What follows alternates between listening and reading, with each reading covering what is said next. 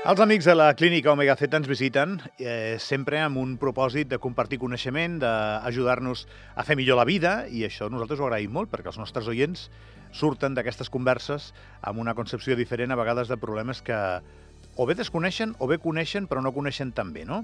I com que ens venen a veure professionals, doncs és una gran sort. Avui tinc un, un metge, el doctor José María Garrancho, aquí al costat. José María, bon dia. Bon dia i moltes gràcies per la vostra invitació. Només faltaria, al revés. Gràcies que estiguis aquí, perquè a més el primer tema, el, el tema que toquem avui, és un tema molt freqüent, molt comú. Abans estàvem fent una prèvia, t'explicava que, que jo en sóc un exemple. La hipertensió, la tensió, la tensió arterial, no? Eh, què ens vols explicar d'això, doctor? Què ens vols explicar? Eh, parlaré en, en castellà per, eh, per, per parlar amb més fluidesa. Eh, bien, hablar de hipertensión arterial es hablar de un rasgo patológico que, que tiene un tercio de la población. Es una frecuencia altísima. Si en Andorra eh, somos 85.000 ahora, ¿no? que serán pues, adultos, serán más de 70.000 probablemente, quiere decir que un, tercio de esos 70.000 son hipertensos. O sea, más de 20.000 personas en Andorra son hipertensas. ¿Y todos lo saben, doctor? Ese es el tema, que muchos de ellos no lo saben. Un tercio de los pacientes hipertensos, hipertensos no saben que son hipertensos. Y es más, un tercio de los que son hipertensos no lo saben y un tercio de los que lo saben no lo tratan. Es, el, es la patología del, de los tercios, porque de los que lo tratan, un tercio no se controlan. O sea que al final de todos los hipertensos que hay, realmente se controla un 10-15%, eh, que, es, eh, que es muy poco realmente, ¿no? Porque de, detrás de la hipertensión eh, pues hay muchas patologías, como es los ictus, como es el infarto de miocardio, como es la insuficiencia renal y la diálisis, como es la vasculopatía periférica, que no llega bien la sangre a las piernas, como es la demencia, la demencia vascular está relacionado con la hipertensión no controlada, porque daña las pequeñas arterias del cerebro. O sea que hay muchas eh, patologías eh, detrás de la hipertensión no controlada. Eh, és important, per tant, saber ser hipertenso i tratar-se. M'està cridant l'atenció el que estàs dient sobre que molta gent no ho sap, però al mateix temps estàs eh, exposant una patologia molt transcendent. És dir, haurien de saber-ho. Uh, aquesta gent que no ho té detectat, no? És això, ¿no? Una Exacto. miqueta la, la conversa ha d'anar per aquí, sobretot. Sí, sí, exacto. Hay que, hay que medirse la presión arterial porque es la única manera de saber que somos hipertensos. Cada quan? Pues a partir de los 35 años eh, hay que medírsela cada, cada año y a partir de los 40 cada seis meses al menos, porque es una patología que suele aparecer a esa edad. Y en las mujeres a partir de la menopausia. ¿eh? Porque muchas personas eh, dicen, no, yo cómo voy a ser hipertenso si no me duele nada, si me encuentro bien, si que la presión arterial elevada no produce síntomas, eh, solamente produce síntomas cuando está tan elevada que produce una encefalopatía hipertensiva, que es un dolor de cabeza muy, muy severo, eh, por daño cerebral o una eh, cardiopatía hipertensiva, que es un dolor torácico, eh, por, por la, cuando tienes la presión arterial muy, muy elevada, 240, 130 o cosas así, ¿no? Eh, entonces, que las personas que no piensen que por no sentir nada no son eh, hipertensas, o sea, tendrían que ir al médico de cabecera, tendrían que ir a la farmacia y medirse la presión arterial, que es una maniobra muy sencilla y que nos da una información muy valiosa. Bé, i tu per què creus que no, que no hem arribat a, a saber-ho? És a dir, perquè vivim molt tranquils, no, no, no reconeixem això com un problema, perquè, com acabes de dir, és superassequible controlar aquesta part de la salut, i en canvi no ho fem. Ho fem quan ho fem? Quan, quan ens fan una revisió, quan ens han d'operar. Abans t'explicava la meva Sí, sí. vivència personal, jo va ser abans d'una intervenció eh, quirúrgica que em vaig assabentar que era hipertens, no tenia ni idea, no? Però per què no hi, no hi parem més atenció a un tema tan transcendent? Bueno, yo creo que vivimos muy, muy de espaldas a la salud. Cuando eres joven te dedicas a cuidar a tus hijos, a cuidar a tu familia, a trabajar y no te, no te preocupas por algo que al fin y al cabo no te está produciendo ningún, ningún efecto secundario ni ningún síntoma en realidad, ¿no? Pero bueno, pero es algo que hay que, igual que el colesterol, ¿no? Igual que la hiperlipemia, tampoco duele, tampoco, pero van unidos, ¿no? Son factores de riesgo vascular eh, que las personas pues no nos eh, no le, no le damos importancia y cuando tenemos 60, 65, 70 años empiezan a aparecer realmente los problemas, ¿no? Y aparecen los ictus, aparecen los infartos, aparece la insuficiencia renal, eh, en fin, que, hay que empezar antes. ¿eh? Y, me gustaría, bueno, aprovechar esta charla que tan generosamente ofrecéis para que todos vuestros oyentes eh, sepan que deben medirse la presión arterial, especialmente si tienen antecedentes familiares de hipertensión arterial. Sabéis que hay una hipertensión primaria, eh, que llamamos, cuando en medicina llamamos primaria, es que no sabemos bien eh, cuál es la causa, no hay una causa exacta, que es el 90-95% de, de, la, de, las hipertensiones, y hay un 5-10% de hipertensión secundaria, que es una hipertensión debida a una alteración hormonal o una alteración renal, eh, o por ejemplo un hiperaldosteronismo, un feocromocitoma, una insuficiencia renal. Esas son causas secundarias de hipertensión arterial que se tratan corrigiendo esa causa, ¿no? pues eh, problemas del tiroides, de las suprarrenales, del riñón, que son la minoría, pero que hay que descartarlas porque el tratamiento es diferente. Pero la mayoría de las hipertensiones son primarias, es decir, que son heredadas, que nuestros padres posiblemente hayan sido hipertensos, podemos tener hermanos hipertensos, abuelos, y esa hipertensión primaria eh, no tiene más tratamiento que eh, medicación en medicación y, control. Por eso, em, si, eres, eh, si tienes tus padres, tus abuelos han sido hipertensos, de la presión arterial a partir de los 35 años, sin duda, porque pueden, puedes empezar a ser hipertenso a esa edad. I hi ha una part d'aquesta conversa que m'interessa molt, eh? Tot és intercanviable amb una medicació?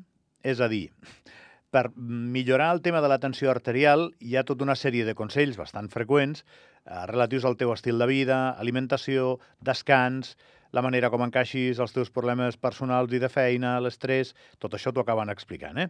Però al mateix temps et donen una pastilla que més o menys és la que et pot anar equilibrant. I em demano, tu pots fer tot malament i la pastilla t'equilibra? És possible això?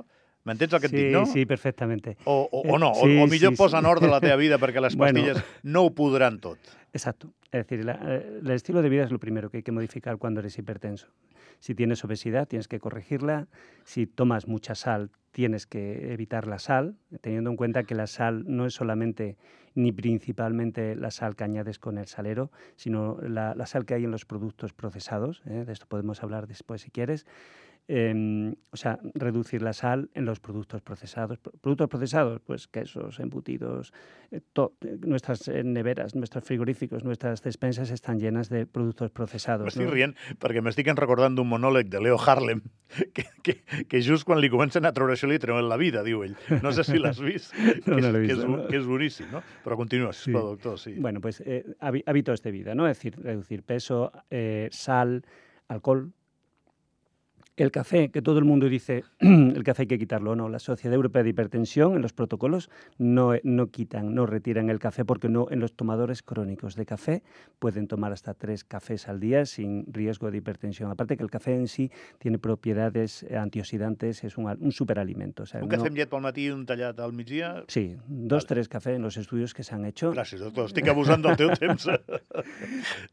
y bueno, pues eso, el café que es, que es siempre un, un problema eh, un problema que, que, la gente se plantea, ya he dejado de tomar café. Bueno, pues café no es un tema es problemático, curioso, ¿eh? sí.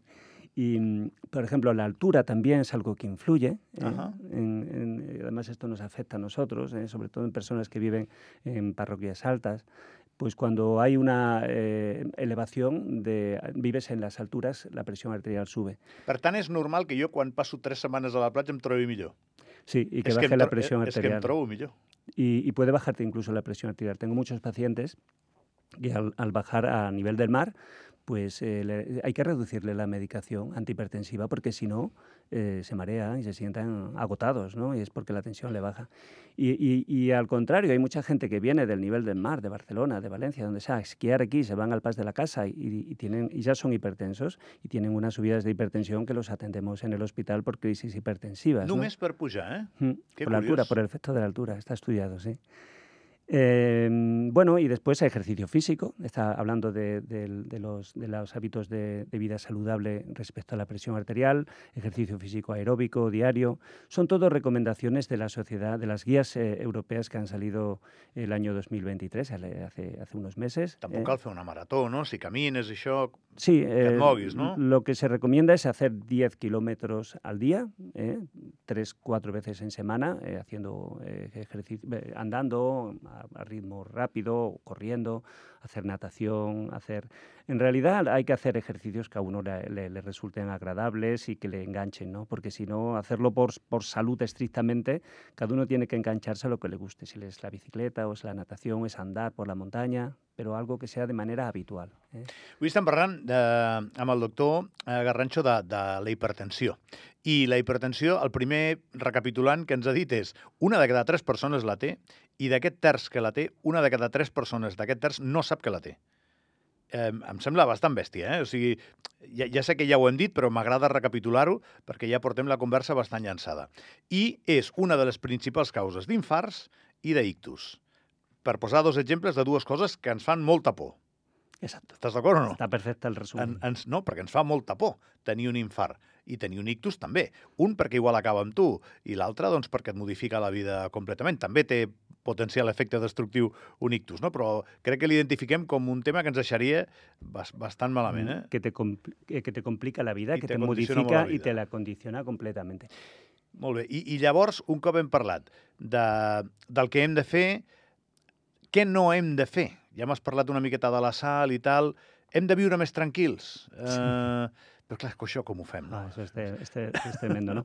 Bueno, la, es decir, el estrés, eh, el estrés es una forma de activar el sistema nervioso simpático que produce las catecolaminas y eso genera pues, hipertensión arterial a través del aumento de, de la frecuencia cardíaca y de la vasoconstricción arterial. Y eso, bueno, pues vivir más tranquilo es, es fácil decirlo, ¿no? Pero, pero, pero bueno, es algo a lo que tenemos que aspirar, ¿no? Y en cualquier caso, eh, eh, la buena noticia es que eh, la presión arterial se controla eh, si el paciente quiere y el médico es proactivo en el 100% de los casos. Eh, tenemos más de 100 medicamentos eh, que son muy efectivos en controlar la presión arterial. Hay que buscar el medicamento que le va bien a cada paciente, que no tiene efectos secundarios, uh -huh. pero todos los pacientes que tienen hipertensión y quieren controlarla, se controla. Yo utilizo una aplicación de la Sociedad Europea de Hipertensión, que es SH Care, que es una aplicación que encuentras en Google Play o Apple Store, que es gratis, y, y, me mantengo en contacto con el paciente porque el paciente cada vez que, se mide la presión arterial, según, el protocolo de la, de Sociedad Europea de Hipertensión, que hay que saber medir bien la presión arterial uno mismo, pues me envía el resultado y me viene a mí y me sale en un email y me sale también en gráficas de ese paciente. ¿no? Y estoy en contacto con los pacientes y, y, y, hay muchas personas jóvenes y no tan jóvenes que están entusiasmados con el programa porque se saben observados, se saben ayudados, se saben que si hay algún problema pues eh, pueden contactar conmigo y controlar la presión arterial. Y, y veo los pacientes que están con la tensión perfectamente controlada y 110, 120, incluso menos de lo que en las guías se pone y están absolutamente asintomáticos y, y, felices, ¿no? Pacientes que a lo mejor han empezado con 200, 140 de, de presión arterial, ¿no? O sea que la buena noticia es esa, que hay medicación para, para uh -huh. aparte del estilo de vida, que es importante, hay medicación para controlarla y si el paciente quiere, se controla en, en el 100% de los casos. Y también una cosa que es importante añadir es que las medicaciones que recibimos para la presión arterial, eh, sean los IECAS, bueno, una serie de medicamentos, todos tienen beneficios añadidos. Algunos son protectores de ictus, algunos son protectores renales, aparte del control de la presión. Ajá. Otros son protectores cardíacos y revierten pues, los efectos del, del, de la tensión arterial durante años, como la hipertrofia ventricular izquierda. En fin, que son, tienen beneficios añadidos no solamente eh, mm, por el control de la presión arterial, sino por el efecto sobre los órganos, eh, los órganos diana. I per últim, jo, eh, jo tinc un tensiòmetre, tensiòmetre se llama? Sí. Un tensiòmetre a casa que me'l vaig comprar quan tota aquesta crisi. Això està bé? És fiable, això? Sí, sí, sí. De tant en tant me'l poso i vaig bueno, veient com vaig. Hay, hay una relació de monitores de, de Són baratos de i no cal que vagis a la farmàcia, llavors. Mm, bueno, hay una relación de monitores que están validados por la Sociedad Europea de Hipertensión Arterial y conviene eh, usar esos. Eh, deben ser eh, monitores de, de, brazo. Los de muñeca sí, sí. No, son, no son ah, recomendables, excepto una pers personas muy, muy obesas, que no le cabe el manguito en el brazo. Entonces, en esos pacientes... Em vaig sí, comprar un d'aquests obres, del, del, en una farmàcia. Braç, exacte. Sí. Però mm, deben ser de, un, de una marca eh, mm, validada y el modelo validado. Por, y hay una relación, yo se la doy siempre a mis pacientes, te la puedo pasar. con a lo mejor, seguramente tu, tu, monitor será de estos, ¿no? Porque son ahí... Bueno, vaig pensar que, que me'l vendrien bo a la farmàcia, que me'l vendrien correcte. Bueno, a veces te lleva sorpresa y son un poco más baratos a lo mejor, pero no están validados. Y entonces yeah. merece la pena tener un aparato que sí que esté validado y yeah. estés con garantía, porque hay una sociedad que se dedica, Stripe BP, que se dedica a esto, ¿no? A validar monitores. Al fin y al cabo estamos midiendo una constante vital de nuestro organismo. Eh, no podemos hacerlo de cualquier manera ni con cualquier aparato. Entonces es importante tener un buen monitor validado. Valen 50 euros o 60 en farmàcies o ortopèdies. Jo crec que me lo compré més barat, eh? Llavors igual no serveix. Ja te passaré el listado. Passamel, perquè així em quedaré tranquil. Home, ja que ho tens a casa, Clar. que, que serveixi, no? Uh, avui ens has parlat, doctor, d'un tema molt comú. Eh, hi ha dies, a vegades, que la medicina doncs, a, anem a visitar apartats més singulars i tal, i, i crec que, que està molt bé que ho toquem, està molt bé que ho toquem, perquè és molt freqüent que la gent pugui tenir eh, aquest problema. No? Eh, després ja veurem, la gent som com som, eh, perquè no fem cas, és que és així, eh? no, no, no fem cas. La vida va i després la vida ens atrapa i ens posa en un, en un inconvenient, en una dificultat i llavors tots correm, no? Tots cames ajudeu-me, però fins que això no passa no... ja t'hi trobes tu a la teva professió constantment. Sí, desgraciadamente sí. Bueno, pues eh, a lo Som més de reparar que de prevenir. Estamos ayudando a lo mejor eh, con este programa. Pues, Seguríssim. Eh? Doctor, que, que moltes gràcies per venir. Eh? Moltes gràcies. Que vagi molt bé. Vinga.